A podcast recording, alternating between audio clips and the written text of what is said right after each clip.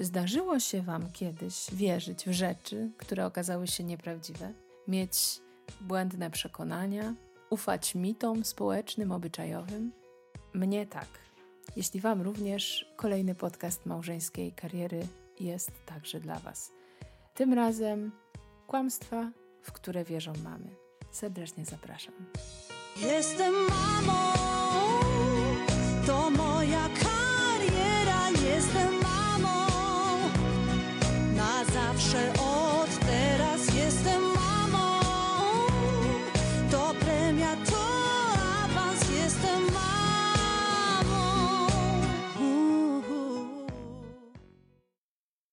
Dzień dobry, dobry wieczór. Witam Was serdecznie. Nazywam się Aleksandra Nitkiewicz i razem z mężem prowadzimy dla Was małżeńską karierę.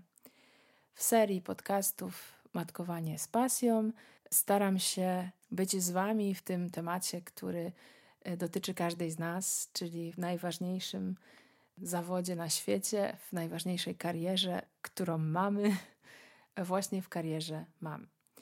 Tym razem zmierzymy się z zagadnieniami jakichś takich fałszywych e, mitów, fałszywych przekonań, które mocno osadziły się w naszej świadomości, gdzieś tkwią w nas i głęboko wierząc w nie, dochodzimy do tak zwanej ściany.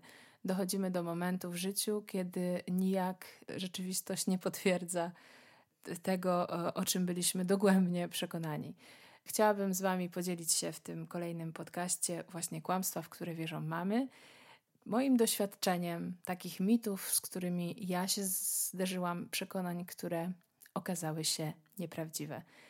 Zapraszam do lajkowania, ale przede wszystkim też do komentowania, udostępniania, do sugestii, e, w którą stronę chciałybyście bardziej jeszcze pociągnąć e, te nasze matkowo-zawodowe tematy. Zapraszam serdecznie. Mama, tata, start.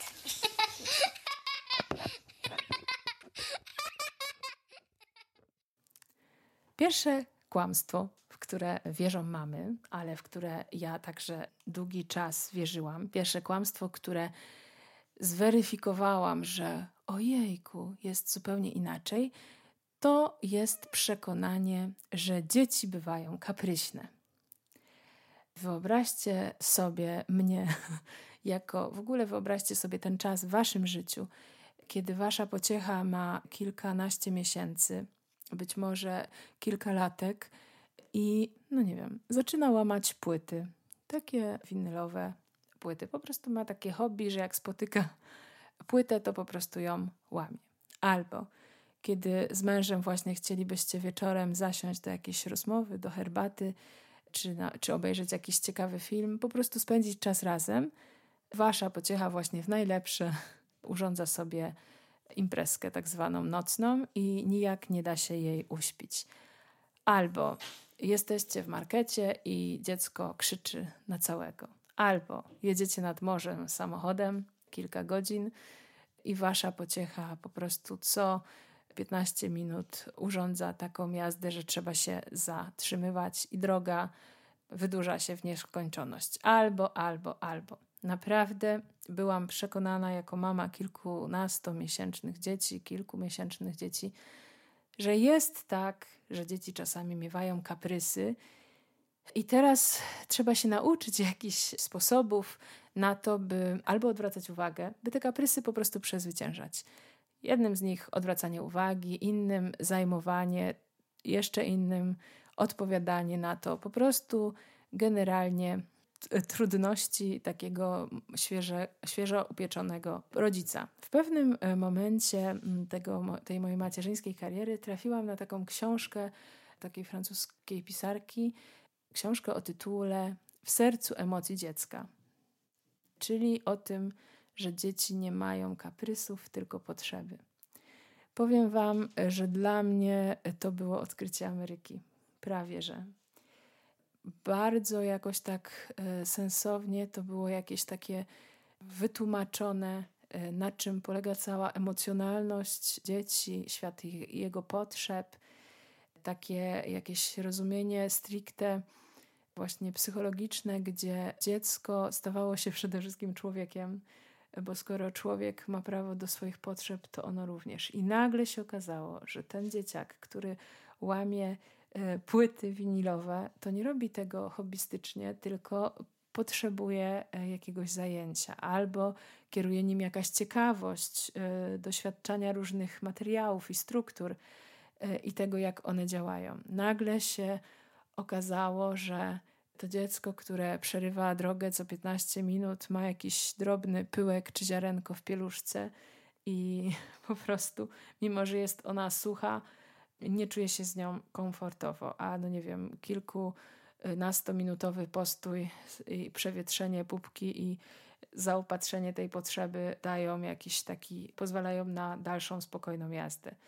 No albo mnóstwo, mnóstwo innych rzeczy. Po prostu w tym jakimś kluczu nagle zobaczyłam, że to, czego jakby doświadczamy, trzeba jakby weryfikować. I, i już nie dawałam się zbywać takim radom y, jakichś babć czy cioć starszych, które mówiły: Nie noście tyle, nie noście, bo się przyzwyczai, albo nie, nie reagujcie na płacz od razu, bo pomyśli, że, że tak może i tak dalej, tylko właśnie patrzenie na to, jakie dzieci mają potrzeby. To bardzo zaowocowało taką jakby jednością, spójnością w wychowaniu, e, jednością w więzi z dzieckiem.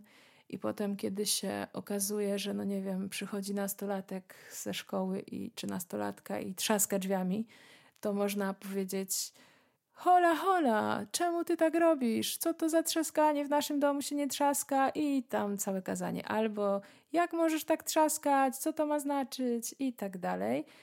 No, jeśli by miało kaprys trzaśnięcia drzwiami, to tak by trzeba było zrobić. Natomiast my wiemy, że o wiele e, jakby skuteczniejszą drogą jest moje, jesteś tak wkurzony, że aż trzaskasz drzwiami. Musisz być bardzo zdenerwowany. Nazwanie tych emocji to jest kolejny krok po tym, kiedy uwierzyło się, że dzieci mają potrzeby, swoje emocje, mm, a nie kaprysy, i próba jakiegoś takiego pójścia za tym. I wtedy, kiedy my powiemy, aha, rozumiem, że jesteś tak wkurzony, że aż trzaskasz drzwiami, to okazuje się, że się dowiadujemy, a tak, bo się okazało, że pani od matematyki, przyjaciel, no nie wiem, kolega z klasy i jakaś historia za tym stoi. Możemy wtedy dziecko wesprzeć w jego jakichś emocjach, porozmawiać z nim o tym zdarzeniu, zobiektywizować też, e, oczywiście bardziej towarzysząc niż udzielając lat, rad, natomiast na pewno wspierając. I wtedy ta więź e, z dzieckiem jest no po prostu taka e, żywa i mm, nieograniczona jakimś naszym przekonaniem. Jestem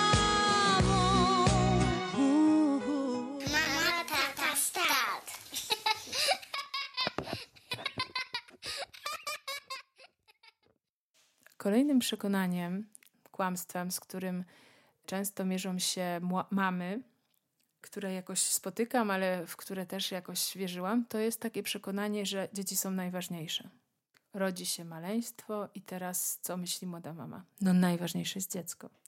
Dziecko zaczyna płakać, rzucamy się. No przecież najważniejsze jest dziecko. Boli głowa, chce się pić, chce się jeść, nieważne. Teraz dziecko płacze, biorę je, karmię i to jest najważniejsze. Ten mit pokutuje w wielu głowach mam, ale e, również nie jest prawdziwy, bo trochę to jest tak jak w samolocie. Pamiętam moje zaskoczenie pierwszy raz w trakcie podróży w samolocie, kiedy stewardessa tłumaczyła zasady działania tego, jak y, tlenu, prawda, w sytuacji jakiegoś zagrożenia, jak należy sobie założyć maskę i tak dalej. I ona tłumaczyła, że rodzice, którzy jadą z dziećmi, najpierw muszą tę maskę założyć sobie, aby móc e, pomóc e, swoim dzieciom. I nie chcę powiedzieć, najważniejsza jestem ja, bo to, bo to też nie jest prawda, ale e, chcę powiedzieć, że rodzicu, mamo, nie pomożesz swojemu dziecku, jeśli nie zatroszczysz się o siebie, o swoje potrzeby, takie fizjologiczne, ale też takie o swoje potrzeby rozwoju, jakiejś duchowości, potrzeby emocjonalne. I to jest bardzo ważna rzecz, żeby ten tlen dostarczać najpierw sobie, a dopiero dziecku. Jeśli ja jestem spragniona i chcę odpowiedzieć na potrzebę dziecka, że e, trzeba je nakarmić, no to nie wiem, proszę męża, kogoś w domu, o e, słuchaj, zrób mi herbatę albo zrób mi szklankę wody, przygotuj, e, bo ja idę karmić. Albo najpierw biorę sobie tą szklankę wody i idę karmić dziecko. Jeśli, jeśli nie zatroszczę się o to, by być wyspana, nie będę mogła dobrze, dobrze towarzyszyć mojemu dziecku. Jeśli Mm, no nie wiem, e, jeśli będę e, szła po takiej linii, e, że no nie wiem, chcę z nim uczyć się literek, ale w taki sposób, żeby to dla mnie też było frajdą, to dziecko też będzie widziało, że, że jestem w tym autentyczna i, mm, i rzeczywiście będzie chciało za tym, za tym iść. Kiedy mówię o tych kłamstwach i przekonaniach, może się zrodzić takie pytanie, dlaczego to jest złe? Przecież czemu dziecko jest. Czemu złe jest to, że dziecko jest najważniejsze? Gdzie, gdzie tu tkwi jakaś y, pułapka? Albo jakie są konsekwencje tego, że uznamy, że dziecko ma kaprysy? No, no przecież może akurat ma czasami. Czyli y, rodzi się takie pytanie, jakie są konsekwencje wiary w te przekonania? Zanim przejdę do kolejnych przekonań, warto y, chwilę się zastanowić nad tym tematem w aspekcie tych dwóch kłamstw, o których wspomniałam. Stewardessa informuje nas w samolocie, czym grozi to, że podamy tlen dziecku zamiast sobie. Każdy jakby, kto się nad tym przez chwilę zastanowi, no, musi dojść do takiego wniosku, że gdyby faktycznie to zagrożenie było prawdziwe, może być tak, że ani nie nałożymy tego e, tlenu dziecku, bo sami wcześniej będziemy jakby mieć problemy z oddychaniem i nie będziemy już w stanie tego zrobić, ani nie nałożymy go sobie, żeby uratować to dziecko, czyli właściwie ani nie uratujemy dziecka, ani siebie. I tak samo jest w życiu, kiedy uznamy, że dziecko jest najważniejsze, może się okazać, że rzucimy mu się e, jakby na, z, tą piersią, prawda, na ratunek, bo ono tak płacze i na pewno jest głodne, ale kosztem jakby takich silnych emocji, jakiejś frustracji, E, jakby zaniechania swoich potrzeb, może nas rozboleć głowa, możemy w trakcie tego kamienia, e, karmienia narastać w nas złość. Nie będziemy wtedy zasobni, żeby pomóc dziecku e, tak, jak ono chce. Ono oprócz tego, że często piersi potrzebuje do tego, by ukoić faktycznie swoje pragnienie czy potrzeby jedzenia, to jeszcze często potrzebuje takiej bliskości z mamą i po prostu też dlatego płacze, więc karmienie ma podwójny wymiar. Z jednej strony E, taki fizjologiczny, a z drugiej strony psychologiczno-emocjonalny, na przykład karmienie, ale tak będzie mm, z każdą, z każdą sprawą. Jeśli ja wracam zmęczona po pracy i próbuję rzucić się teraz w takie jakby obecność z dziećmi, e, nie troszcząc się o to, żeby, no nie wiem, zjeść obiad, mieć pięć minut na takie odsapnięcie, jakiś wentyl, to może się okazać, że że nie mam, nie mam tej jakby zasobności, tej przestrzeni, jakaś e, drobna, drobna sprawa będzie potrafiła wytrącić mnie z równowagi i ten czas nie będzie też jakościowo dobry ani dla mnie, ani dla mm, mojego dziecka. Czyli jest tak, że to będzie miało swoje konsekwencje. Wiara i podążanie za błędnymi przekonaniami będzie przynosiła niepożądane skutki w naszych relacjach, ale też w moim funkcjonowaniu. Kolejnym mitem, w który chcą, yy, jakoś tak chcą czy nie chcą, wierzą często mamy, jest to, że dzieci i praca to są małżeńskie obowiązki rodziców. Że najważniejsze, co możemy dać dziecku, to takie bezpieczeństwo, stabilność yy, finansowa, E, bezpieczeństwo związane z jego emocjami, z jakimiś jego potrzebami. I to też nie jest prawda. To, e, co czyni dziecko bezpiecznym, to jest bezpieczeństwo relacji mamy i taty. Bezpieczeństwo na linii tej więzi mąż i żona. I wiadomo, że my nie chowamy dzieci w wymusko, wymuskanym świecie, gdzie e, bajkowe królują zasady i nie ma E, nie ma jakichś takich silnych czasem emocji. Przecież my żyjemy w normalnych domach, czasami wspieramy się o różne rzeczy, mamy różne zdania na różne tematy. Czasem, no nie wiem, zwykłe takie spory i dyskusje nawet o tym, mm, gdzie mamy jechać na wakacje, to, czy to jest lepsze, czy to, y, kto coś powiedział, może tak, a może nie tak. Takie zwyczajne sprawy życia codziennego, tak zwane, wymagają pewnej dyskusji, zwłaszcza jeśli małżonkowie y, bardzo się od siebie różnią, a często my się na takiej zasadzie dobieramy w parach, że się różnimy, bo y, przeciwieństwa lubią się przyciągać. Mnie fascynuje to, czego nie mam i co jest właśnie odmienne, co, co to jest dla mnie atrakcyjne i tak samo e, jakby przyciąga na pewno tą drugą stronę to właśnie, co jemu się wydaje atrakcyjne i takie e, niezwykłe. I to jest cudowne, bo to zabezpiecza nasze dzieci te różnice, bo wtedy mamy cały pakiet możliwości, jakby cech genetycznych, na które jakoś wymieniając się możemy je skutecznie wychowywać i, i dobrze jakby sobie z tym radzić. E, natomiast skutkuje to tym, że często w naszym domu rodzinnym mogą być tak zwane dyskusje, nawet może niekoniecznie kłótnie, ale takie emocjonalne e, dyskusje. I ważne jest, by dzieci właśnie też tak na to patrzyły, że to nie są kłótnie, e, że my bardzo szanujemy też tą drugą stronę, że chcemy tylko jakby zaznaczyć też nasze jakieś stanowisko, czy właśnie rozpatrzyć sprawę z wielu aspektów. A nawet jeśli nam się zdarzy jednak pokłócić, że, że ja tak uważam, a ja uważam tak, czyli dojść do takiego y, momentu, kiedy, kiedy te różnice są duże. Czasem być może w emocjach y, też jakby ton nasz sugeruje jakby silne emocje, bo wiadomo, że do takiego jakiegoś obrażania czy coś, no absolutnie e, nie wolno nam się posuwać, ale gdyby nawet się coś takiego zdarzyło, warto, e, by dzieci też widziały nasze pogodzenie się, nasze przeproszenie. Czyli żeby nie było tak, że, e, że kłócimy się przy dzieciach, a godzimy się w swoim pokoju, bo one wtedy tego nie widzą i dorastają w takim przekonaniu, rodzice cały czas się kłócą. Więc jakby to jest ważne dla ich poczucia bezpieczeństwa, e, właśnie takie zakorzenienie w tej, e, w takim dobrostanie relacji między mężem i żoną. Gdyby się z jakiegoś względu to nie udawało, to ważne jest, by zdawać sobie z tego sprawę, także w takich już trudnych sytuacjach, gdzie dochodzi do jakiegoś rozłamu małżeńskiego, gdzie małżonkowie już jakoś zdecydowali ten rozłam, to warto wiedzieć, że dla dziecka jest to koniec świata. Jest to trzęsienie ziemi i że e, rodzice muszą dołożyć wszelkich starań, e, żeby zbudować tą jedność przynajmniej na takim poziomie, na jakim się da, e, by dziecko mogło doświadczyć, doświadczyć tego, że jest kochane właśnie przez, przez obu rodziców. Jestem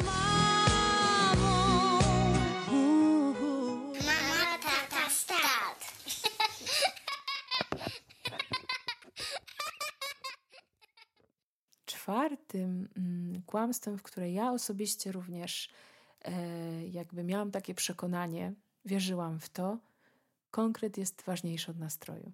Jeśli rodzic troszczy się o dziecko, pracuje dla niego w pocie czoła, e, jeśli stara się odpowiadać na jego potrzeby, e, jeśli, no nie wiem, zaopatrza jego jakieś takie bezpieczeństwo zdrowotne, finansowe, przestrzeni, szkoła, no różne takie ważne rzeczy wydawałoby się w rozwoju młodego człowieka, to to jest o wiele ważniejsze y, niż to, że y, czasem jest zmęczony i nie ma jakiegoś nastroju, żeby tam towarzyszyć dziecku, czy po prostu konkret jest ważniejszy od nastroju.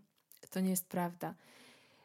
Dziecko jest bardzo wrażliwie emocjonalnie. Dziecko, ale też młody człowiek. Ono wyczuwa nastroje, które są w domu. Jeśli rodzic jest przewlekle e, jakby zmęczony czy zniechęcony ogólnie życiem, pracą, no nie wiem, trudnościami, które napotyka na swojej drodze, e, dziecko jakoś tak jemu brakuje. Brakuje mu właśnie tego pozytywnego nastroju i wydaje mi się, że to jest bardzo ważne z mojego doświadczenia, by budować nastrój, łapać chwilę tak zwaną. Nie wiem, nawet jakiś celebrować, jakiś grill na balkonie bez okazji, pójść na jakiś spacer, e, do kawiarni czasem, nie wiem, z dorastającymi córkami, na jakąś męską wyprawę z synem. Po prostu, ale też taki zwykły nastrój. E, rano wchodzi dziecko do kuchni czy nastolatek i no jak się czujesz, jak ci minął dzień, albo jakiś fajny żart na początek dnia, albo zaskoczyć jakąś, nie wiem, wymyślną kanapką, prawda, z, nie wiem, z jakąś keczupem buźką wyrysowaną, albo no, no, po prostu, żeby łapać takie chwile, jak jakieś elementy budowania takiego, e, takiego fajnego, e, fajnego nastroju. Nie wiem, dwie krówki spakowane jakoś e, ładnie i przewiązane sznureczkiem i to dla ciebie, słuchaj, chciałam żebyś poczuła, jak bardzo cię kocham, skarbie, na przykład, nie? Do córki czy do kogoś. I to od razu, nawet w kilkuletnich dzieciach, budzi takie mamusiu, dziękuję ci, dwie krówki, prawda? E, albo, ale ja cię kocham, jesteś wspaniałą mamą. E, I po prostu buduje się taki nastrój, gdzie, gdzie jest takie wzajemne docenianie się, takie sprawianie sobie jakichś takich, no nie wiem, jakaś, jakiś liścik do kieszeni płaszcza nastolatki włożony, no nie wiem, z pięcioma dobrymi zdaniami to jest jakby niesamowicie, mm, niesamowicie ważne i to dziecko wtedy e, ma takie poczucie, ale mam fajny dom, ale, e, ale życie jest miłe, jest, jest fajnie. Także nie jest tak, że konkret jest ważniejszy od nastroju, bo bez tego nastroju ten konkret może niewiele znaczyć. No i znowu pytanie: co się stanie, gdyby jednak skupić się na tych konkretach? Gdyby jednak inwestować przede wszystkim w dzieci, a nie w więź, świat niby się nie zawali, ale jakość naszego takiego wspólnego życia y, na pewno spadnie.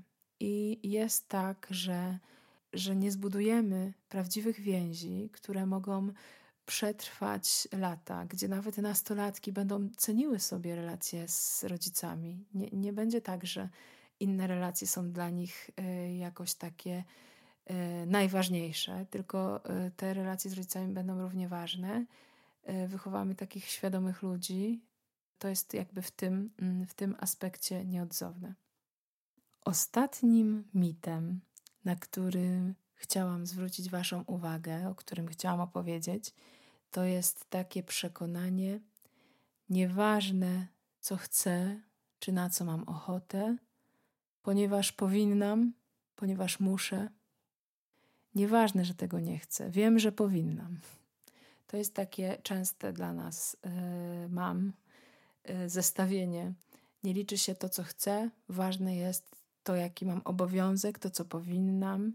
I z jednej strony ma to taki jakiś aspekt chroniący nas przed tym, no nie wiem, by E, zaniedbywać, by nie zaniedbywać naszych rodzin, by dostarczać takiego im też takiego waloru e, naszego zaangażowania i tego, że może mi się nie chce przewinąć tej pieluszki z kupą mojego dziecka, ale jeśli tego nie zrobię, to będzie miało odparzoną pupkę i to nie jest dla niego komfortowa sytuacja. Więc jeśli zrobiło kubkę, no to w ciągu tych kilku minut muszę się tym zająć, kiedy kiedy już zdam sobie sprawę, że, że ta kubka tam jest, jak najszybciej powinnam się tym zająć. Powinnam, choć mi się nie chce.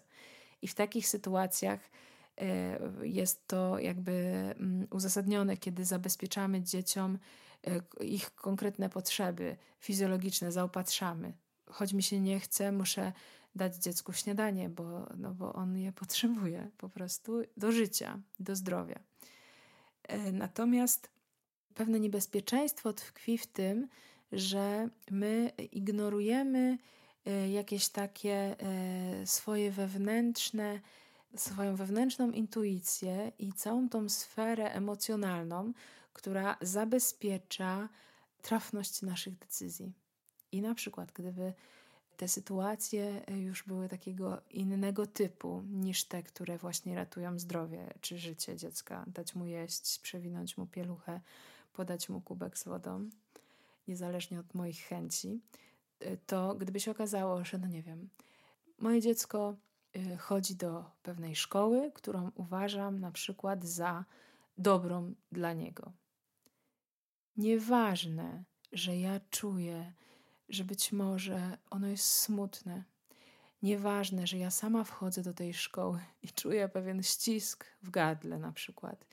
Nieważne, że widzę, że ono po nocach siedzi i zwyczajnie y, po prostu widać, że ta szkoła jest dla niego trudnym doświadczeniem. To jest nieważne, ponieważ ja muszę zapewnić mu świetne wykształcenie, a ta szkoła ma dobrą opinię i tak dalej, i tak dalej. Czyli zaczynamy, to chodzi o tego typu decyzje, rozwiązania, gdzie zaczynamy ignorować takie nasze emocje, które mówią też o pewnych potrzebach, na rzecz tego, co nam się wydaje, że musisz. Choć chciałabym pójść z dzieckiem, no nie wiem, na urodziny, na imieniny do babci, czy odwiedzić babcię, to wiem, że nie mogę, bo ono musi iść na, nie wiem, zajęcia sportowe, na które je zapisałam, choć ono tak średnio chce na nie chodzić. Ale musisz, bo sport to zdrowie i po prostu, nie? Czyli nieważne co chcesz, ważne, że musisz, że powinieneś, bo to ci dobrze posłuży w przyszłości, bo coś tam, no nie? Często mm, y, jakby konsekwencją tych przekonań jest to, że tracimy mnóstwo czasu i energii na rzeczy, które y, nie będziemy z nich korzystać. Przykład jest taki, wiele rodziców się skarży, że zapisują dzieci od y, jakby najwcześniejszych lat życia na jakiś dodatkowy język włoski, japoński, hiszpański, coś tam, żeby po prostu, bo języki są ważne i rodzice czują, że muszą przeznaczyć na to kawałek swojego budżetu, y, bo to jest przyszłość ich dzieci. Po czym się okazuje, że dzieci chodzą kilka lat na te języki i właściwie one nie umieją się w tym języku porozumiewać. No, kończą kolejne podręczniki, jakby zaliczają y, kolejne jakby y, etapy. Natomiast nie ma tego waloru, dla którego rodzic czuł, że musi opłacać na przykład te zajęcia. Więc warto wtedy bardziej skupić się po pierwsze na tym, czego ja potrzebuję, co ja bym chciała, a dopiero potem też jakby weryfikować to z tymi moimi przekonaniami, co ja muszę. I czasem e, z osobami, które prowadzę właśnie w coachingu, e, robię takie ćwiczenie e, trzech krzeseł, które zmienia perspektywy. Albo dwóch, nawet dwa krzesła już wystarczają. Pierwsze krzesło siadam i mówię: Chcę, co ja chcę? Chciałabym mieć więcej czasu na e, bycie z dziećmi. Chciałabym, żeby te popołudnia były wolne od zajęć dodatkowych i jakiejś e, nadmiernej ilości zadań domowych, żebyśmy mieli chwilę na to, by pójść na spacer, nie wiem, usmażyć naleśniki, wybrać się na lody, pobudować coś z kocków Lego, obejrzeć jakąś komedię romantyczną, cokolwiek. Chciałabym, żeby ten czas po pracy mojej, po ich szkole był dla mnie. A z drugiej strony kiedy sobie pociągnę te wątki i sobie tak rozbujam to, co bym chciała, a potem powinnam zapisać je na.